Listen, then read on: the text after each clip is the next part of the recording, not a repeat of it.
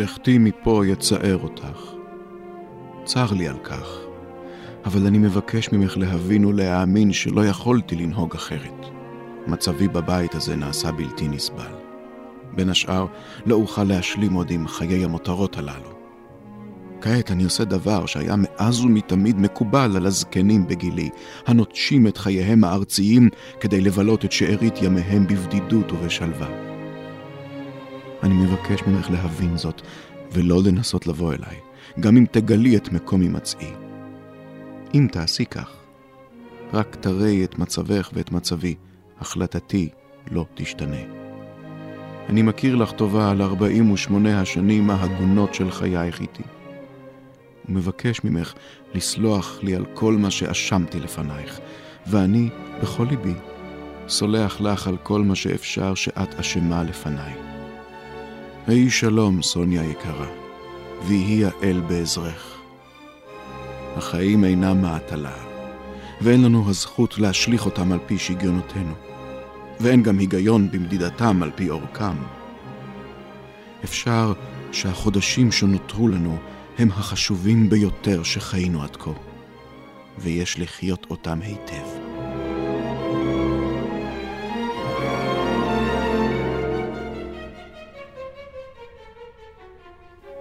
מילים שמנסות לגעת מלחמה ושלום, בעקבות ספרו של ג'יי פריני על שנת חייו האחרונה של הסופר לב טולסטוי. משתתפים אינדה ופטר קריקסונוב, קטעי קריאה זוהר סדן. מראיינת ועורכת רותי קרן. בסוף חודש אוקטובר 1910 כותב לב ניקולאייביץ' טולסטוי, מגדולי סופרי רוסיה וסופרי העולם כולו, את מכתבי הפרידה האלו מרעייתו זה 48 שנה, סופיה אנדרייבנה טולסטאיה. אחרי שנים רבות, רצופות משברים ומלחמות בלתי פוסקות בין בני הזוג, בגיל 82 עוזב לב ניקולאייביץ' את ביתו ביאסנאיה פוליאנה. כותרות העיתונים מבשרות טולסטוי נטש את ביתו. זקן יאסנאיה פוליאנה נמלט. ביומנו כותב ולנטין בולגקוב, חסידו ומזכירו האחרון של טולסטוי, על הסצנה בה נפרד לב ניקולאייביץ' ממקום הולדתו, כפי שסיפרה לו על כך הבת סשה. אלא שמסע הפרידה הזה מגיע לקיצו בתום כעשרה ימים בלבד, וטולסטוי נפטר בבית מנהל תחנת הרכבת הנידחת באסטפובו. בספרו התחנה האחרונה, שתורגם כעת לעברית, מביא המחבר ג'יי פריני קטעים מתוך יומניהם של האנשים שסבבו את טולסטוי בשנת חייו האחרונה, רעייתו סופיה, בנותיו טניה וסשה, ובניו סרגי ואיליה, וכמובן רופאו האישי דושן מקוביצקי, מזכירו וידידו ולדימיר צ'רטקוב, ומזכירו הצעיר האחרון, בולגקוב. על הסופר לב ניקולאייביץ' טולסטוי בשנת חייו האחרונה, בעקבות ספרו של פריני, נשוחח כאן היום עם uh, המתרגם פטר קריקסונוב, ועם רעייתו הפסיכולוגית אינדה קריקסונוב. שלום לכם. שלום. שלום, שלום. Uh, למעשה, העילה והמקור הראשון לספר הזה, כפי שמעיד מחברו, הם באמת יומניו של uh, בולגקוב, שפריני מצא באקראי בחנות ספרים בנפולי, ובעקבותיהם התחקה וגילה שרבים מהנמנים עם החוג הפנימי של טולסטוי, שהתרחב מאוד ב-1910, ניהלו יומנים דומים. והוא מחליט לחבר ספר שבו הוא שוזר חלקים מן היומנים האלו, למרות שבאחרית הדבר הוא מצהיר שהרומן הוא פרי הדמיון. אז מה בעצם מביא פריני ומחדש בספר הזה? אילו חלקים הם עובדות ומסמכים אותנטיים ואילו חלקים פיקטיביים? ובכלל, מה בעצם ערכו וייחודו של הספר הזה לאחר פרסום הביוגרפיות השונות, ובראשן הביוגרפיה הידועה של אה, אנרי טורויה על טולסטוי? למעשה מאוד לא פשוט לענות על השאלה שלך. מה שאנחנו יודעים בוודאות זה הקטעים שמובאים או מכתבי טולסטוי או ממכתביו או מיומניו. השאר מאוד קרוב לטקסטים, פריני לא הרשה לעצמו דמיון פרוע, אלא אם כן יש לי קצת חשדות בנוגע לסצנות מין קצת יותר מדי חשופות מבחינתי בספר הזה, ולפי דעתי אפילו ביומן אישי בולגקוב לא לא היה מרשה לעצמו לתאר כך. טוב, צריך לס... לתרגם את זה לסרט, אתה יודע, אז... אה, הסרט קיים. הסרט קיים ומגיע לאקרנים בקרוב. הלן מירן מגלמת את רעיותו של טולסטוי. היא כבר מוזכרת כמועמדת לקבלת האוסקר עבור התפקיד הזה. אני חושבת שסופיה אדרבנה הייתה שמחה לדעת את זה, לצידו של כריסטופר פלמר. כן. הספר נכתב ב-1990, כן. אבל הוא תורגם עכשיו. לעברית. לעברית כן. הוא תורגם כן. ממש עכשיו. כן. אני הייתי צריך לעבור על התרגום שמאוד מוצא חן בעיניי. הוא זורם, הוא, הוא מאוד תרגום של אה, עידית שורר. של עידית שורר, מאוד חשוב uh, להזכיר, כן. מאוד פלסטי, מאוד יפהפה בעיניי. אבל הייתה בעיה דווקא עם אותם הקטעים שהזכרת. עם הקטעים שלא היה צריך לתרגם מאנגלית אלא מרוסית בעצם. למזלי, הספר תורגם ב-1996 נדמה לי לרוסית, ושני מתרגמיו עשו את העבודה החשובה במקומי מפני ש... הם חיפשו גם ציטוטים סמויים שלדעתי אצל פריני לא נלקחו מהמקור כלל וכלל. אז בעצם אנחנו הם... לא יודעים ממש איזה חלקים הם, אה, הם אותנטיים ואיזה חלקים אה, הוא אה, הוסיף מדמיונו שלו. למען האמת, מאחרית הדבר של המתרגמים לרוסית, שהיו בקשר עם פריני בזמן העבודה, בזמן התרגום. אנחנו יודעים שהוא הספיק לשקוע גם בעצמו, מה, מה הוא לקח כלשונו ממקורות ומה הוא המציא. מה, מה הספר הזה בעצם מוסיף לנו על פני באמת הביוגרפיות הקיימות? אני לא יודעת מה הוא מוסיף לספרים הקיימים, אבל אני יכולה להגיד לך מה לפי דעתי הוא מוסיף לקורא של טולסטוי. ויש הרבה קוראים כאלה שמכירים את טולסטוי, שקראו את כל הספרים שלו, שמילדות רואים את עצמם קצת כגיבורים או גיבורות של טולסטוי, כי אנחנו גדלנו ככה. אני בגיל 12 קראתי את מלחמה ושלום, ואז המשכתי לקרוא אנה קרנינה וכולי, והספרים האלה הפכו ל... חלק מהעולם שלי, מאישיות שלי, מהחלומות שלי, מהפנטזיות שלי. ואז הספר הזה הוא נותן עוד פן, כשקוראים את זה, וגם יש את זה בספר, זה בעצם לא רק על השנה האחרונה, זה נותן לנו הצצות לכל מיני תקופות אחרות בחיים שלו, בחיים של אשתו. מוזכרת שם למשל אה, התקופה שהוא ואשתו חיו די באידיליה, והיא העתיקה בכתב יד שלה את מה שהוא כתב.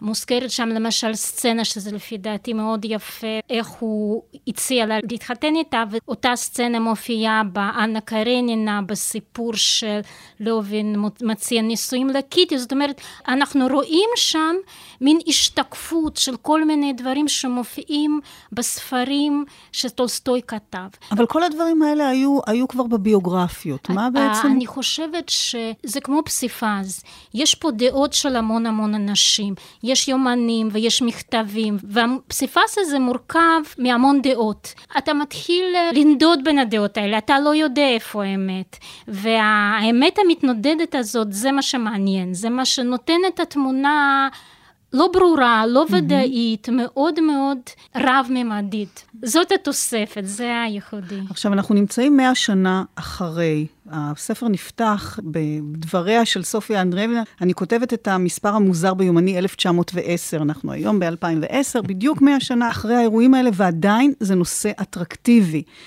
האם באמת בגלל שמדובר בספרות גדולה, או כי סיפור חייו, הדרמות הגדולות, אפילו הרכילות. סביב טולסטוי, עדיין משמשות סיפור טוב, כמעט כמו הרומן על אנה קרנינה, או לפחות סונטת קרויצר.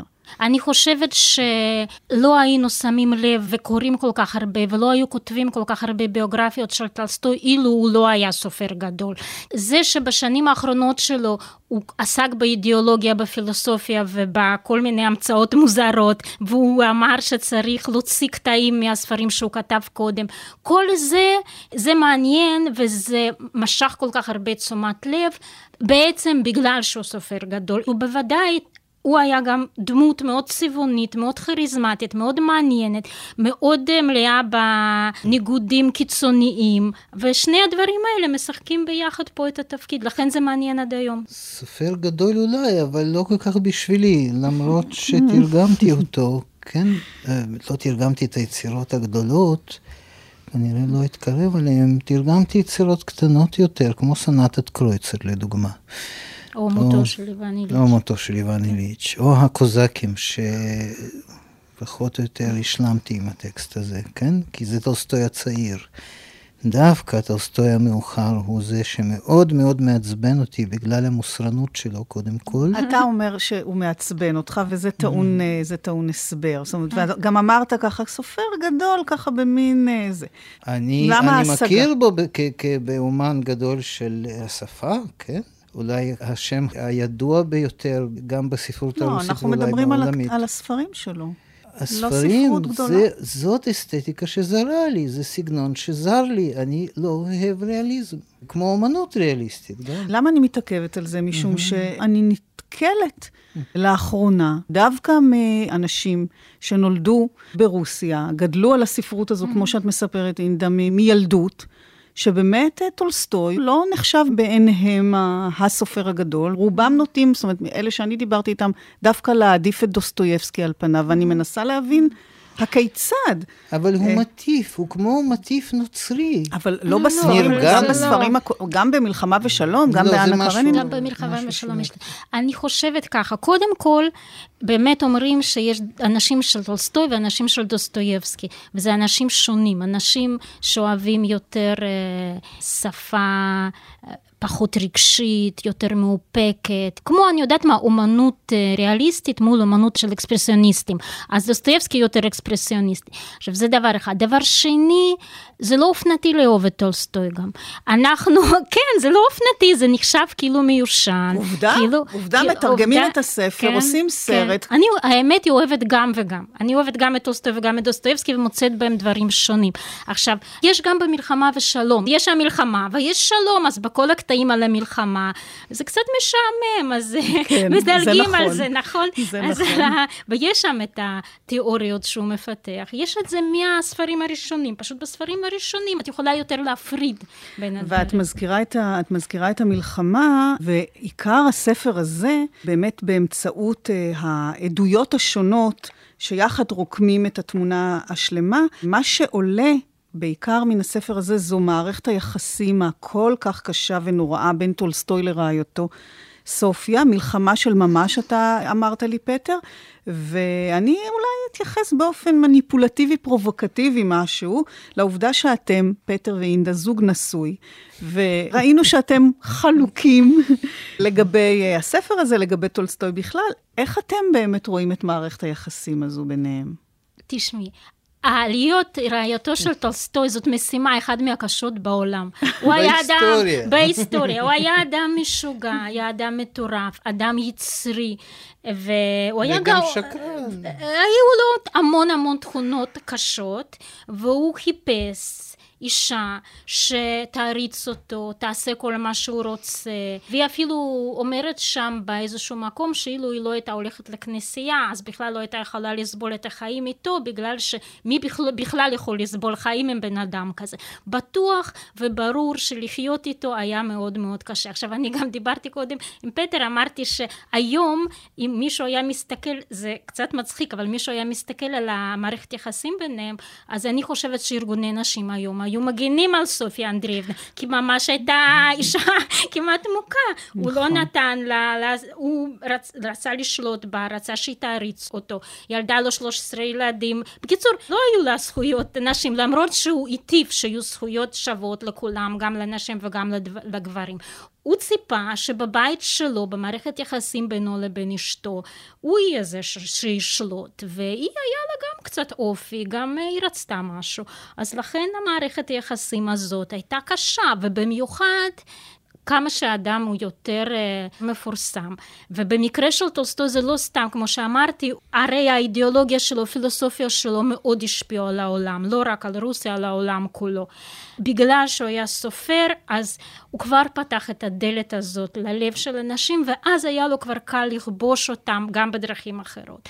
אז התאספו מסביב לטולסטוי המון uh, תלמידים, המון מעריצים, שהם uh, חיממו את האווירה, והלחץ הזה, המתח הזה בינו לבין אשתו. הלך ונהיה יותר ויותר קשה. הייתה שם באמת מלחמה, צדדים, מחנה שלו, מחנה שלה, חלק מהילדים היו בעדה, חלק מהילדים בעדו, אז... אה, הייתה סיבה אחת מאוד קונקרטית, צ'רטקוב. כן. צ'רטקוב שהיה ידידו הקרוב, אה, אה, סופיה אנדריאנה אפילו חשה קנאה כלפיו, נכון. בגלל טולסטוי, אבל צ'רטקוב רצה איכשהו להרוויח, אם לא כסף, אז uh, תהילה, כי הוא ביקש, בעצם דרש, הוא והסביבה, אבל הוא היה היוזם, שטולסטוי ישנה את צוואתו. אהמ. ושאפשר יהיה לפרסם את כתביו בלי שהמשפחה תרוויח משהו על זה. עכשיו, את אמרת, אינדה, שלהיות אשתו של טולסטוי זה באמת הייתה משימה כמעט בלתי אפשרית, ובכל זאת, על סמך העדויות שמובאות אה, בספר, רוב המתארים נותנים זווית הפוכה. הבת סשה כותבת, יסניה פוליאנה נהפכה למרתף עינויים רגשי. טולסטוי עצמו כותב, הרגשות של אימא כלפיי הם לא אהבה, הם רכושנות של אהבה. הם קרובים יותר לאיבה, היא רוצה להרוס אותי. אפילו בעלה של הבת טניה, משתלח בה בסופיה אנדרייבנה, שהוא אה, מוזכר שם כאדם נעים הליכות, הוא אומר לה, הצידוק היחיד לקיומך היא העובדה שאת אשתו של טולסטוי. דברים קשים. נכון. ואני חייבת לומר שבמהלך הקריאה אני הרגשתי אמפתיה באמת דווקא כלפי סופיה, כי כולם נגדה, היא שנואה ומנודה, היא חסרת אונים, בעלה מקבץ סביבו חסידים וסוגדים שמנסים להרחיק אותה ולנשל אותה ולהציג אותה כמכשפה. והנורא הוא שגם הילדים באמת, חלקם אה, מתייחסים אליה כך. אימא בלתי נסבלת, כותבת סשה, זה לא מגיע לאבא. אני לא מבינה למה אלוהים הטיל את העול על גדול סופריה של רוסיה. בעצם אישה מאוד בודדה, ובמצב הזה לא נותר לה הרבה, אלא להשתגע, או לעשות סצנות דרמטיות גרנדיוזיות של שיגעון. אני חושבת שהוא ניסה לאסוף המון נקודות אה, ראייה והמון אה, פרספקטיבות. ומכל המכלול הזה, כן פתאום אנחנו מרגישים שזה לא רק טולסטוי תמיד צודק והיא תמיד לא צודקת. יש פה גורל של אישה שהיא לא גדולה כמו טולסטוי, אבל היא אישה שרוצה להיות מאושרת, רוצה שיהיה לה טוב, רוצה שיהיה טוב לילדים שלה, שישאר להם קצת כסף. ויש פה, לה פה איזה בעל משוגע שהוא סופר גדול, והוא רוצה לפגוע בכל התקוות שלה. ויש פה גם סיפור אנושי שהוא מתלבש ביחד עם הסיפור הגדול, העולמי. היא נזכרת ממש בגעגועים גדולים בתקופה הזאת שבה הוא כתב את uh, מלחמה ושלום כן. וטנה קרינה. כך שלא רק הייתה שם מלחמה, היה גם שלום uh, נהדר מאוד ביניהם. והיא ניסתה בכל הכוח להשאיר לעצמה את הזכויות על ספרי טולסטוי עד לשנת 1881. מפני שמאז הוא שינה כיוון והתחיל לכתוב את הכתבים הפילוסופיים המשעממים האלה, וגם התכחש לגמרי ליצירותיו הגדולות. אנחנו גם רואים שם תיאורים על זה שהיא uh, באמת מגיעה למעשים מאוד מאוד קיצוניים, היא בולשת אחריו, היא מרגלת אחריו, היא מציצה, מדי פעם ישנן ניסיונות התאבדות. אחד מהם היא אפילו מתכננת לבצע בכוונה להשליך את עצמה על פסי הרכבת, ממש כמו גיבורת הספר אנה קרנינה. היא אומרת, אני שפחה בביתי שלי, אני מנודה. החיים איתו הם כמו חיים עם סופת ציקלון. אם לא יעלה בידי לשים קץ לחיי, צ'רטקוב ידאג בוודאי לאשפז אותי בבית משוגעים. אולי אז יבוא טולסטוי לבקר אותי בזכות ההערצה שלו ללא שפויים. אז אני אזכה לכבוד מצידו, אבל לא עכשיו, עכשיו אני שפויה מדי. מה תרצה מחמד ליבי ולדימיר גרגריוביץ' חביבי, את ליבה של אשתי על מגש, את כליותיה במלח? ודאי ודאי, יקירי, כל דבר שיישא חן בעיניך. אתה רוצה את האחוזה? מצוין, זכויות יוצרים, כל מה שכתבתי כמובן. היא מצליחה בכל זאת, אה, אם באמת זה אותנטי, להיות אה, גם אה, צינית. אני חושבת שהיא מרגישה ייאוש, היא גם מקנאה. כי הייתה תקופה שסך הכל כן טולסטוי אהב אותה, והיום יש מסביב המון תלמידים ומעריצים, וטולסטוי לא צריך אותה. ומרגישה שמול הכוח הגדול הזה של טולסטוי ושל התלמידים שלו ושל צ'רטקוב וכל השאר, אין לה מה לעשות, ו... שהכלים הרגילים של שכנוע לא יעבדו, ולכן היא מנסה כל מיני דברים חסרי אולי טעם. בעצם אני חושבת ש... הם אנשים שונים מאוד, היא ולב טולסטוי, ובעצם היא מרגישה שהמצב דורש ממנה לוותר על העקרונות שלה, על הדברים שמאוד מאוד חשובים לה. והיא לא מסכימה. וזה מול כוח, זה לא סתם בעל ואישה, זה אישה שבעלה הוא סופר הכי מפורסם בעולם, וכל העולם נגדה. אז היא אולי הייתה קשה ושתלטנית, לפי מה שמתואר פה, אבל כמובן שצריך להבין את המקום שלה, והוא איש לא קל, בלשון המעטה, שלא לדבר על יחסו לנשים בכלל. ואתם יודעים, הרבה פעמים עולה הסוגיה הזאת המתייחסת לעיסוק בחייו האישיים של סופר. האם זה רלוונטי? האם זו לא איזו רדיפה מציצנית אחרי רכילות צהובה? האם יש קשר ליצירה שהיא הרי חשובה בעצם? ובמקרה של טולסטוי אני חושבת שיש לנו אליבי מוצק. סופיה טולסטוי מספרת על הקשר הקרוב שלה עם הפסנתרן אה, טנייב. ומן הפרטים, ובמיוחד אה, מן האופן בו היא מתארת את תגובתו של טולסטוי ליחסים שלה עם הפסנתרן, צפה ועולה התמונה המלאה כפי שהיא מתוארת בנובלה סונטת אה, קרויצר.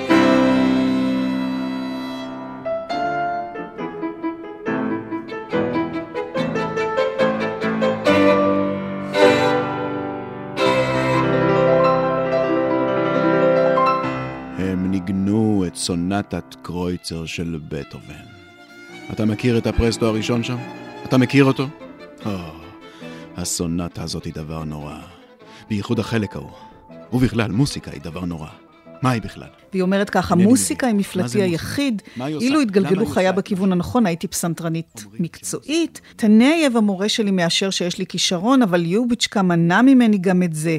חשבתי שהאושר מצא אותי סוף סוף, היא אומרת. כמעט זה נראה כמו איזה פרשיית אהבים, או משהו שדומה לזה, אבל התיש הזקן לא מסוגל להבין, הוא קרא לי מכשפת קונצרטים. בסיפור, בסונטת קרויצר, אם כן, מרחיק טולסטוי לכת ואולי מבטא את מאווייו הכמוסים וגיבורו, רוצח את רעייתו בהתקף קנאה ושנאה. במציאות המשיכו בני הזוג טולסטוי להתעלל זה בזה, ולהמית במרכאות זה את זה במשך uh, שנים. הדלת לטרקלין סגורה, ומשם אני שומע ארפג'ו ריתמי, ואת קולותיהם שלו ושלה. אני מטה אוזן, אך אינני מסוגל לפענח. מן הסתם נועדו צלילי הפסנתר לעמעם את דיבורם, ואולי אף את נשיקותיהם. או... אוי לי, מה שהתחולל בי באותו רגע. די שאזכר באותה חיה ששכנה בתוכי, ואז אני נתקף זוועה. ליבי נחמץ, נעצר. ואחר התחיל להלום כפטיש. הרגש העיקרי, כמו תמיד, כמו בכל איבה, היה הרחמים העצמיים. ועוד בנוכחות הילדים והאומנת, אמרתי ביני לביני. מן הסתם היה, המראה שלי היה מפחיד, מפני שגם ליזה שלחה בי מבט מוזר. מה אם כך עליי לעשות? שאלתי את עצמי. להיכנס? אסור לי, כי רק אלוהים יודע מה אני עלול לעולל שם, אבל היה אסור גם לסגת. האומנת הסתכלה עליי כאילו היא מבינה את מצבי. הרי פשוט אי אפשר לא להיכנס. אמרתי בליבי ופתחתי את הדלת במהירות. הוא ישב על יד הפסנתר וביצע את הארפג'י האלה באצבעותיו הלבנות הגדולות המתעכלות כלפי מעלה. היא עמדה בקצה הפסנתר, גוחנת על חוברת התווים הפתוחה. היא הייתה הראשונה שראתה או שמעה אותי ושלחה עליי מבט. אם נבהלה והעמידה פנים שלא נבהלה או שלא נבהלה באמת, כך או כך, לא עבר בגופה שום רעד והיא לא זזה, אלא רק הסמיקה, ואף זה קרה מאוחר יותר. אני כל כך שמחה שבאת. אנחנו מתקשים להחליט מה לנגן ביום ראשון, אמרה בנימה שלא נקטה כשדיברה איתי ביחידות. הנימה הזאת, וגם העובדה שאמרה אנחנו, עליה ועליו, קוממו אותי. בירכתי אותו לשלום בשתיקה. נזכיר למאזינים, בתוכנית היום אה, אנחנו משוחחים על התחנה האחרונה, שנת חייו האחרונה של הסופר לב טולסטוי, על פי ספרו של אה, ג'יי פריני. אינדה ופטר קריקסונוב, ואני רותי קרן, כאן בתוכנית מילים שמנסות לגעת, באולפן רשת א' של כל ישראל. אני חושב שאפילו אצל פריני יש משפט כזה שהיא שואלת אותו או בדמיון או במציאות, מה תשסף את גרוני? כאן אנחנו באמת ממש יכולים למצוא את הקשר הברור בין היצירה לבין... אה, רצונותיו הכמוסים באמת, או מה... כל הנושא הזה של הצצה. לתוך החיים של סופר, זו דילמה מאוד מאוד מורכבת. בכלל, כל מה שקורה שם באמת, זה מזכיר את מה שקורה היום עם סלבריטיז. במאה ה-21. הוא היה סלבריטי. אבל אז זה לא היה, אז זה לא כל כך היה אבל, ככה. אבל פה מתואר, אה, למשל, המקום של התקשורת נכון. בחיים שלו. אני לא יודעת כמה, לפני מאה שנה היה כוח לתקשורת, אבל פה מתואר שהתקשורת כל הזמן ליוותה. אני חושבת שזה אחד מהמקרים הראשונים שתקשורת הראתה מי בכלל. צלמים וכתבים, ו... כן. זה נכון, כי יש פשוט תיעוד. נכון, המון נשארו באמת תמונות. תמונות וסרטים גם. היא כותבת, סופיה אדריאבנה, על צ'רטקוב, שבאמת היה המתחרה המרכזי שלה. אה, האמת הערומה היא שבעלי, הסופר הרוסי החשוב ביותר מאז פושקין, התאהב מעל הראש. התאהבות סנילית ומגוחכת בחנפן עב כרס בגיל העמידה. כנער, אפילו כגבר צעיר, הוא נמשך לגברים.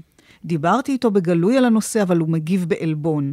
הוא לא מבין שאהבת גבר לגבר היא דבר נואל מאין כמוהו. לא רק נואל, אלא גם חטא בעיני אלוהים. יש כאן אה, התייחסות אה, ברורה מצידה לנושא של אהבת גבר לגבר. ואגב, סשה, בתו של טולסטוי, כפי שאנחנו למדים אה, מן הספר הזה, מתגוררת באחוזה עם בת זוג, שדי ברור שמערכת היחסים ביניהם היא מעבר לידידות עמוקה. האספקט ההומוסקסואלי לגבי טולסטוי וביתו, אתם חושבים, מקבל בספר הזה איזשהו דגש מיוחד? מה שקשור לביתו, אני מניח שפריני קצת הגזים בכיוון הזה. אני מניח שלאותה תקופה, גם ביומן אישי, לא הייתה חושפת את עצמה עד כדי כך. מצד שני, טולסטוי כן, גם בגלל היצריות וגם בגלל זה שכסופר גדול הוא הרשה לעצמו כל דבר אפשרי. זאת אומרת שכל הרמזים האלה על איזושהי מערכת יחסים מעבר לידידות עמוקה בינו לבין אה, צ'רטקוב, אה, יש לה אחיזה במה שסופיה אנדרייבנה מאשימה אותו? היא קוראת קטע מן היומן לרופאו האישי של טולסטוי ולמזכירו, למקוביצקי ולבולגקוב. הקטע שבו הוא מודה שהוא נמשך לגברים, אבל העניין הפיזיולוגי מאוד דוחה אותו. לכן עדיין מדובר באהבה אפלטונית, בואו נאמר כך. זה לא הגיע לידי מימוש. אבל זה לא רק העניין הזה שמציק לה לסופיה. בעצם, מעבר למערכת היחסים הקשה בין אה, בני הזוג, לחילוקי הדעות הבלתי ניתנים לפישור ולגישור, נחשפת תופעה הרבה יותר מהותית ומעוררת תהייה ששופכת אור אחר, הן על הסופר הגדול והמקום שהוא תפס בחברה, שייתכן באמת שאין אה, דומה לו, ומעבר לכך לגבי המושג הרחב אה, של שלטון הכוח מול שלטון הרוח, שאולי אתה תרצה קצת לדבר על זה, פטר.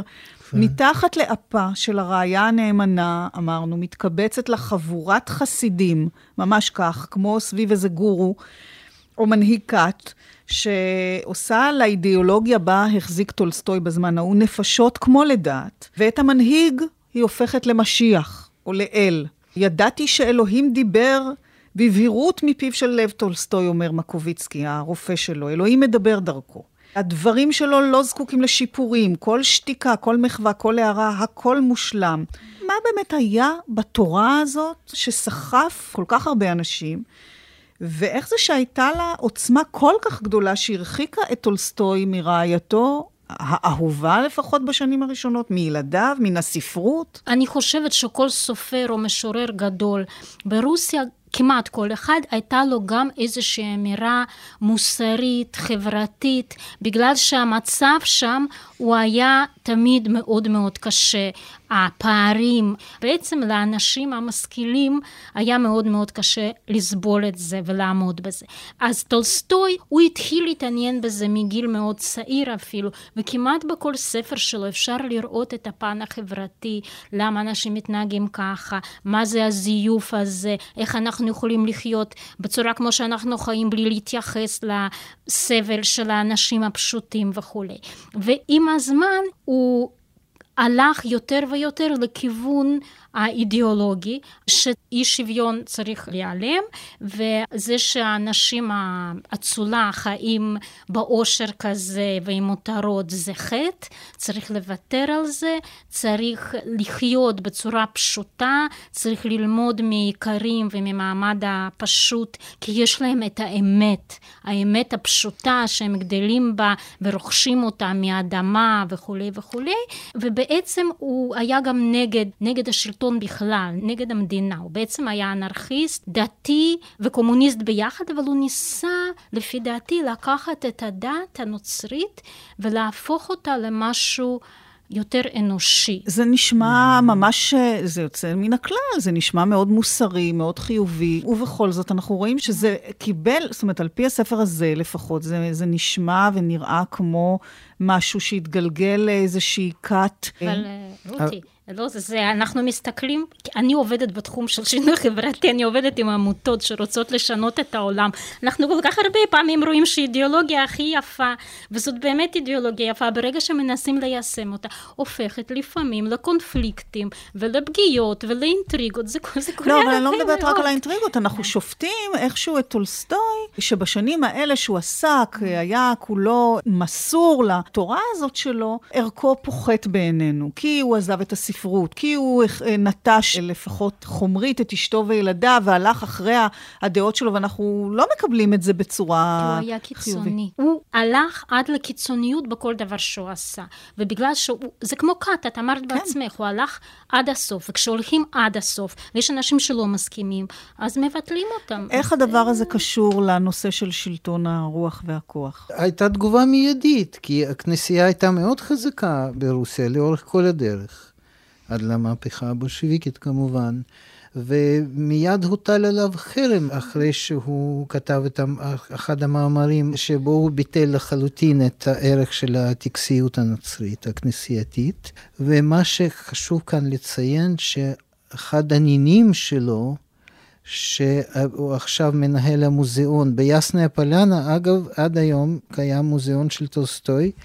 ומתקיימים שם מדי שנה, לפעמים יותר מפעם אחת בשנה, כינוסים על כתביו, על הביוגרפיה שלו, של החוקרים מכל העולם.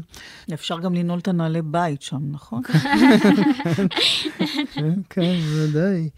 אז אה, המנהל המוזיאון פנה לסינוד הקדוש, הגוף העליון של הנצרות הפרבוסלבית ברוסיה, בבקשה שיבטלו את החרם שהוטל אז, אחרי כתיבת המאמר. הוא פנה לסינוד הקדוש בשנת 2002, ממש לפני איזה mm-hmm. כמה שמונה שנים, ונענה בסירוב.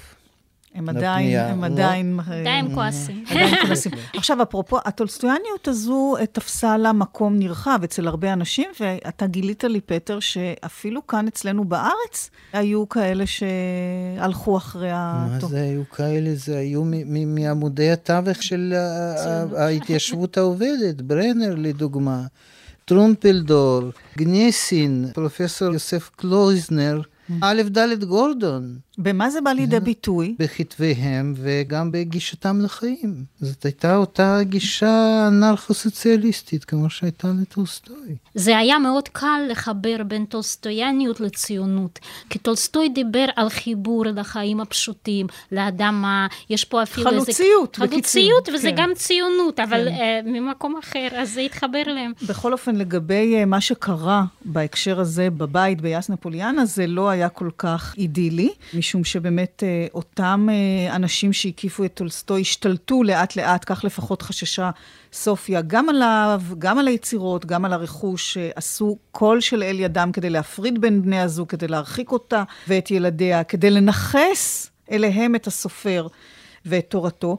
ומה שמעניין שבד בבד עם התפשטות הטולסטויאניות נחשפים גם הפרדוקסים העמוקים באישיותו ובהתנהגותו של המנהיג הגדול. כי אמרנו, אוקיי, זו תורה נשמעת מאוד מוסרית, מאוד חיובית, אבל חרף זה, זה לא מעיב כהוא זה על הערצה וההלהה שלה הוא זוכה גם בקרב העם, גם בקרב השלטונות, גם בכלי התקשורת. לכאורה אפשר היה לראות אולי את הדברים כך. כפי שתופס אותם אה, בולגקוב בפגישתו הראשונה עם טולסטוי, שמותירה עליו אה, רושם כביר בגלל אותו מרכיב שמבטא כביכול את אה, רצונו של טולסטוי לטשטש או לבטל כל פער מעמדי. הוא הניח כף יד חלושה על מצחי והציע לי לשכב על הספה. מחיתי כמובן, אבל הוא עמד על שלו. שכב לך כאן, תפוס תנומה קצרה. הוא הניח שמיכה סביב ברכיי. אביא לך כוס תה. כשהוא יצא מהחדר להביא לי תה, הרהרתי בטעמו המיוחד של מצבי, מצב לא מציאותי הגובל באבסורד, גדול סופרי המערב, לב טולסטוי, הלך להביא תה. לי, למזכירו החדש, הצעיר ממנו כמעט בשישים שנה. איש כזה אוכל בקלות לאהוב. ואומנם, כששכבתי פרקדן ובחנתי את הטיח המתפורר מן התקרה, כבר אהבתי אותו. אלא שכאן היה מדובר במחווה אישית, שלא דורשת הקרבה ואיזה שינוי הרגלים מהותי. אבל למעשה טולסטוי הטיף לדרך מסוימת, והוא היה מודע ואפילו הודה שאין ביכולתו ליישם את התורה שלה הוא מטיף. אילו שמעתי על עצמי מן הצד, על אדם שחי חיי מותרות, גוזל מהאיכרים כל מה שביכולתו לגזול, מכניס אותם לבית הסוהר, ובו בזמן מטיף וטוען לערכים נוצריים, תורם פרוטות מעטות, ומתחבא מאחורי אשתו היקרה כדי לתרץ את כל מעשיו הנתעבים, לא הייתי מהסס לקרוא לו נבל. והלא בדיוק לכך אני זקוק, כדי להתנער מתהילתי בקרב בני האדם ולחיות למען נשמתי. ולזה יש להוסיף גם את האספקט בדבר גישתו כלפי המין. הוא מבטא ממש תיעוב כלפי יחסי המין, הוא גורס שיש להתנזר מכל אה, מגע גופני, וכל זה בניגוד ליצריות הגדולה שאיננה יודעת צובעה ולעדויות שלו עצמו על הלילות הרבים שהוא בילה עם זונות ועיקרות, וההתוודות שלו על כל מיני חלומות אירוטיים אה, מאוד בוטים.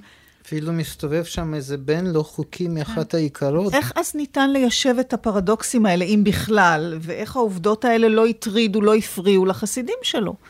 לא ניתן ליישב את הפרדוקסים נכון. האלה בכלל. זה היה אדם של ניגודים. לא, כי אתה אמרת לי, הוא מצד אחד אמר, אני צריך להיות כמו העיקר ו- ולהדור את השדה, ומצד שני ישב ואכל ארוחות אה, לא, הוא גם עבד בשדה. מפוארות עם משרתים. קצת, קצת עבד בשדה, יש אפילו ציור. יש תמונה כן. בצבעי שמן. כן, כן, איך הוא עובד בשדה. הוא הפך לגיבור עממי ברוסיה, זה מה שמעניין. לא, אבל באמת, זאת אומרת, יש כאן אה, באמת איזשהו פער אה, שלא מתיישב. זאת אומרת, הוא כנראה. הטיף והוא לא... זה היה אדם עם יצרים מאוד חזקים ומלא מלא ניגודים, ומצד אחד הוא אה, עשה הכל בצעירותו, מה שהוא אמר בשנים היותר מאוחרות שאסור לעשות את זה.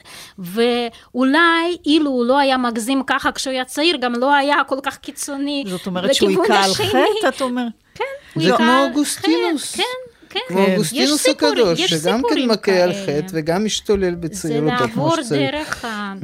זה היה אדם עם תשוקות מאוד חזקות, והיה לו קשה עם זה. אבל אני מדבר, לא מדברת רק באמת על היצרים, אלא בואו באמת נדבר על הדבר המרכזי של ההטפה לחלק את הרכוש עם האיכרים, אה, אה, להיות כמוהם, ובכל זאת הוא נשאר באחוזה, הוא נשאר בעל אחוזה, הוא ממשיך לחיות את החיים הבורגניים שלו. אני לא יודע אם שמת לב, אבל שם באחד הקטעים האותנטיים דווקא מהיומן שלו, של טולסטוי עצמו, הוא אומר שזה הצלב שהוא נוטל על עצמו למען סופיה אנדרי. אה, אוקיי. כן, כן, זה. משהו. נפלא, הוא מצא לעצמו תירוץ. לא, אבל אה, בואו נסתכל רגע על החסידים שלו, על אלה שבאמת הריצו אותו לדבר הזה. להם זה לא הפריע? להם זה לא הפריע, כי הם היו מסונברים. מסונברים ועיוורים. כן, וחוץ מזה, אני חושבת שאנחנו מכירים אה, הרבה אנשים ומנהיגים שמטיפים אה, משהו אחד ועושים משהו אחר, ובדרך כלל לאנשים זה לא כל כך מפריע. זה לא המקרה היחיד בהיסטוריה. אגב כך, לשיא הפרדוקסליות אולי, מגיע טולסטוי בנסיעה, נסיעתו האחרונה ברכבת, כפי שמספר דוקטור מקוביצקי לסשה, היית צריכה לראות את המהומה בדרך לאופטינה, אמר. כל הקרון התאסף סביבו, וכולם שאלו שאלות על אלוהים, על צורת השלטון הראויה, על מיסים. היית צריכה לראות את אביך. הוא עמד במרכז הקרון, והרצה שעה שלמה על הנרי ג'ורג' ועל תיאוריית המס היחיד. אדם, בן 82, שזה עתה עזב את הבית ולא ישן בלילה שלפני כן, לא עצם עין. הוא אדם יוצא מן הכלל. יוצא מן הכלל. הסיפור הזה הפליא אותי וגם ציער אותי במידת מה. מתוודה סשה בעקבות הדברים האלה. האם אבא מנותק וחסר רגשות עד כדי כך שהוא מסוגל להתרכז בתיאוריה של מיסוי ברגע של מצוקה קשה מאין כמוה בחייו? האם הוא על-אנושי או אל-אנושי?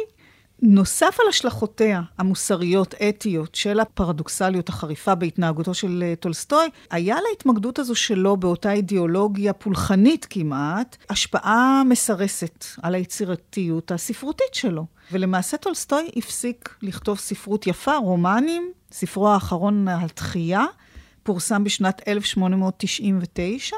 הכתיבה שלו הוקדשה כל כולה לסוג אחר לחלוטין, או כפי שמתנסחת על כך סופיה אנדרבנה, היא אומרת, יש משהו כמעט מגוחך באמונה של בעלי, שליצירותיו המאוחרות יש משקל כלשהו מחוץ למעגל מצומצם של קנאים דתיים. מי בכלל רוצה לקרוא ספרים מלאי הגיגים תיאולוגיים? ספרים שאומרים לקוראיהם שטעו בכל דבר שעשו בחייהם. והיא צודקת, האמת. נכון. אף אחד לא, לא רוצה לקרוא. אבל זו טענת הנגד, נגד טולסטוי, כי טולסטוי אמר, מאז שעבר לז'אנר האחר הזה של הכתיבה, לכתיבה הפילוסופית, הוא אמר שהרומנים קיימים רק בשביל עקרות הבית. כלומר, אדם חושב לא, בכלל לא הסתכל בכיוון הזה. והוא התכוון למה שהוא כתב בעצמו. והוא גם למלח... רצה, למלחמה ושלום ולאן הקצינים. איך, איך באמת אפשר להסביר את זה? זאת אומרת, אתה אומר, חוזר כמה הוא... פעמים שהוא התכחש ליצירות, הוא הפך להיות הוא... כמו אדם שחזר בתשובה. זה כן. זה, זה הופך להיות אדם דתי, אדם אידיאולוגי, ששינה, החליף את אורו, למרות שאני כן חושבת שרואים את זה בכל היצירות שלו, אבל זה מאוד התעצם. זה אי אפשר להגיד שפתאום קרה המהפך, אפשר mm-hmm. ממש לראות את זה לאורך כל הדרך, אבל במינונים יותר קטנים, ואז פתאום... לקראת הגיל המתקדם, הוא החליט שזה, הוא הופך, הוא מפסיק להיות סופר, הוא הופך להיות אדם מועיל, פילוסוף. כלומר, בגלל אותה טולסטויאניות, איבדנו אולי יצירות גדולות שהיו יכולות להיכתב בשנים האלו. אנשים ביקשו ממנו, טורגנייב כתב לו בשנתו האחרונה של טולסטוי, כתב מכתב ששם הוא התחנן לפניו שיחזור לכתיבה הספרותית. הוא לא, לא הגיב בכלל יחד עם זאת הוא כתב ממש הרבה. הוא. כתב אה, הרבה מאוד. ו... וספרים ארוכים. וספרים ארוכים, אז אני חושבת שזה מספיק. הוא כתב המון, אני לא חושבת שיש עוד סופר אחד. אחרי מותו, אלכסנדרה עבדה איזה שנתיים לפחות על כתבי היד. והכינה לדפוס 90 כרכים של טולסטוי. יש עוד סופר שכתב 90 כרכים? זה מעניין, בגלל שפריני בחר לתעד את שנתו האחרונה של טולסטוי, חלקה של הספרות, ספרות, הוא באמת קטן יחסית, ותשומת הלב כולה נעה בין מערכת היחסים הזוגית למערכת היחסים שניהל טולסטוי עם אה, חסידיו, סביב מוקד התעניינותו ועיסוקו, ובכל זאת עדיין המעמד וההילה והתגובה העצומה שמעוררת נוכחותו בציבור, עדיין נשענה על העובדה שהוא סופר. ואני ארשה לעצמי, בניגוד לדעתך, פטר, mm-hmm. לומר uh, מילה אישית, כי אני מרגישה שכשאתה פותח ספר של טולסטוי, מן העמוד הראשון ברור שמדובר בסופר, נכון. ושזאת ספרות.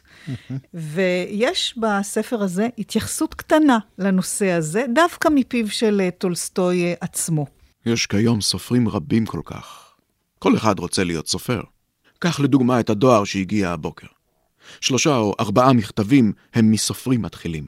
כולם רוצים לפרסם את יצירותיהם, אבל בספרות, כמו בחיים, צריך אדם לשמור על צניעות מסוימת. סופר צריך לנסות לעשות רק את מה שטרם נעשה עד כה. כמעט כל אחד יכול לכתוב, השמש זרחה והעשב הוריק וכן הלאה. הוא okay. אוקיי. עצמו אמר שהספרות יש לה מקום בעולם כל עוד היא משמשת לקרב את בני האדם אה, זה לזה ולעשות טוב בעולם. אין לה ערך עצמאי, לדעתו. אתה ככה גיחכת לגבי המשפט הזה שאדם צריך לשמור על צניעות מסוימת. בוא, לא בוא תרחיב, את הגיח... תרחיב קצת את הגיחוך. תראי, אני חשבתי כל הזמן בדרך הנה, שיש אה, אמרת חז"ל כזאת, שכל הרודף כבוד, הכבוד בורח ממנו. אני חושב שזה לא חל על המקרה של טולסטוי, כי מי ש... מאוד חזק רודף כבוד, אז הכבוד לא... לא בורח. לא, לא ברח, ממש לא. ממש לא ברח, כן. ולא חשוב, זה לא בלי קשר לכישרון, כן היה כישרון, אני... נאלץ אנוס להכיר בך. עשינו משהו בתוכנית הזאת. זה יהיה מוקלט עכשיו. כן, יש הוכחה. כן, כל סביבתו, כלומר ילדיו וסופיה אנדריאבנה בוודאי, כולם היו מודעים לתכונה הזאת של טולסטוי, שהוא לא כל כך התנגד לכל הצלמים סביבו ולכל הכתבים, וזה בהחלט נעם לו. מה שהתחולל סביב הבית היה קרקס. לאחד הכתבים נודע על הביקור בשמרדינו והוא עלה על עקבותינו. העיר אסטפובו הנידחת בדרך כלל נעשתה מפורסמת. בקהילת העיתונות שניזונה ומתקיימת מרכילות פשטה השמועה כמו אבעבועות. בתחילה הצטרף אלינו זרם דק של כתבים. כעבור זמן לא רב, עלה מספרם לגדוד קטן, והגיע לשיאו עם בואם של אנשי החדשות מחברת ההסרטה פתה, שסחבו מצלמות ראינוע כדי לצלם יומני חדשות שיוקרנו בכל רחבי העולם. מעתה ואילך, פרקה כל רכבת שבאה מסע חדש של צלמים, עורכים, כתבים, כתבנים. המברקה הייתה פקוקה, ומקוביצקי נאלץ לצאת בדיווחים שוטפים לעיתונות ולמסור את נתוני החום והדופק של טולסטוי ותחזיות על מצב בריאותו בשעות הקרובות. אני רוצה בכל זאת אה, לסיים שוב עם מה שמסיים בעצם את כל הפרק האחרון בחייו, ולחזור קצת למערכת היחסים אה, עם אשתו, שהיא הייתה העילה לאותה סצנה אחרונה בחייו. פעם אהבת אותי, היא אומרת לו. הוא הצטמק בכיסא. ראיתי לפניי איש זקן וחולה, צל רפאים של הגבר שאני אוהבת, שאהבתי אהבת נפש במשך כמעט חמישים שנה. מדוע אינו מבין? מדוע אינו חש בקיומה של אהבתי? אני רוצה שתעזבי אותי. אני רוצה להיות לבדי. אתה לבדך, ליובצ'קה. שנינו לבדנו. אנחנו לבדנו כבר לא מעט זמן. אני מוכרח ללכת מפה. אתה כבר הלכת, אמרתי. אני גרה פה לבדי. כאמור, השיחה הזאת מובילה למעשה הכל כך uh, נועז, כך זה נראה מהעיניים שלי, אפשר לומר, למרות שאתה ככה אמרת קודם, פטר, שזו הייתה מסורת עתיקה, אבל בכל זאת, איש בן 82, חולה, בקור הכל כך קשה של נובמבר רוסי, יוצא לנדודים, למקום בלתי ידוע. הוא מנסה לעשות את זה בחשאיות, כדי שאשתו לא תדע, כדי שקרוביו לא ידעו, הוא אפילו מגיע בלית ברירה למקום די נידח. ובכל זאת השמועה עושה לה כנפיים, וסביב הצריף של מנהל התחנה מקימים אוהל כתבים. כן, כך זה כתוב, אוהל כתבים.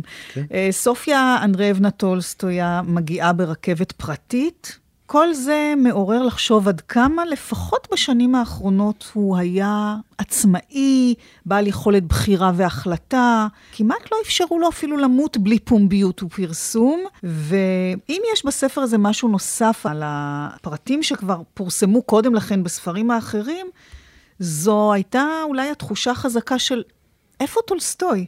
עד כמה נותר ממנו, מן המנהיג, מן הסופר, מן ההשראה, מהאיש שסוחף את האנשים אחריו, עד כמה נותר ממנו תחת כל החסידים הנוהים, הקבוצה הזאת שלקחה לעצמה את החירות לחיות עבורו את חייו כפי שהם אולי רוצים.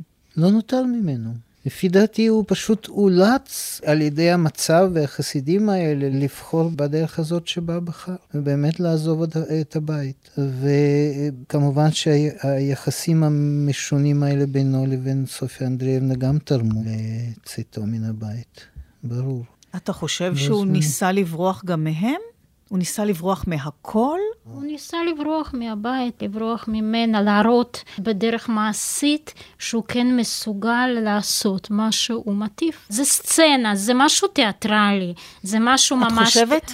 כן, זה משהו תיאטרלי, זה, הוא הבין והרגיש לפי דעתי שהוא הולך למות עוד מעט, והוא רצה לעשות משהו, הוא רצה לעשות יפה, grand finale. אני חושבת ככה, זה מצד אחד, ומצד שני... וגם לממש את עצמו סוף סוף. וגם לממש את עצמו, וגם כשאת מדברת על כל החסידים האלה שבעצם מכתיבים לו מה לעשות, ובעצם לטולסטוי הגדול לא נשאר שום חופש, זאת התחושה שלי. זה מחזיר אותי לדף דווקא למלחמה ושלום, כאשר הוא מדבר על קוטוזו ועל נפוליאון, כאשר הוא אומר שזה האנשים הגדולים, שכאילו הם הם שולטים בעולם ובעצם הם לא שולטים בכלום והנסיבות שולטות בו ודברים פשוט קורים והם לא יכולים להתנגד. וזה אני חושבת איכשהו מהדהד כאילו לי שזה משהו דומה לזה, כי הוא גם היה אדם גדול, לא פחות גדול מנפוליאון וקוטוזוב, גם בגלל הכתיבה וגם בגלל מה שהכתיבה הזאת אפשרה לו לעשות וכמה אנשים הוא סחב.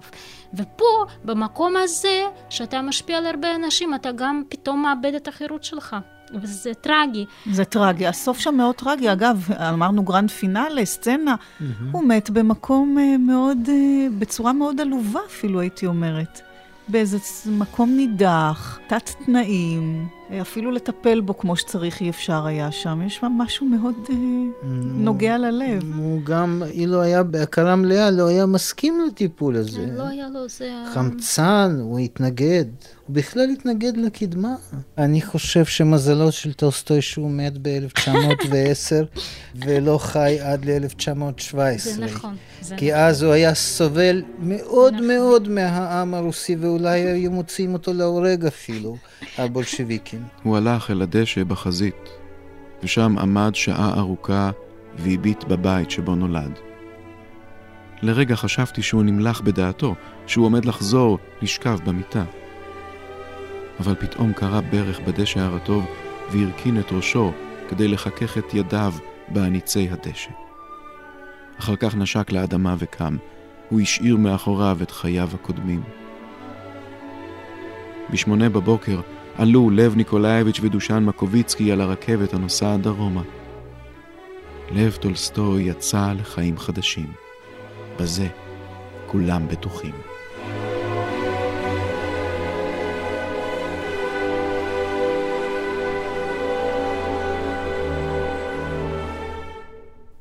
בתוכנית מילים שמנסות לגעת, שמענו רב שיח על ספרו של ג'יי פריני, התחנה האחרונה, שנת חייו האחרונה של טולסטוי, שראה אור בהוצאת כתר בתרגומה של עידית שורר.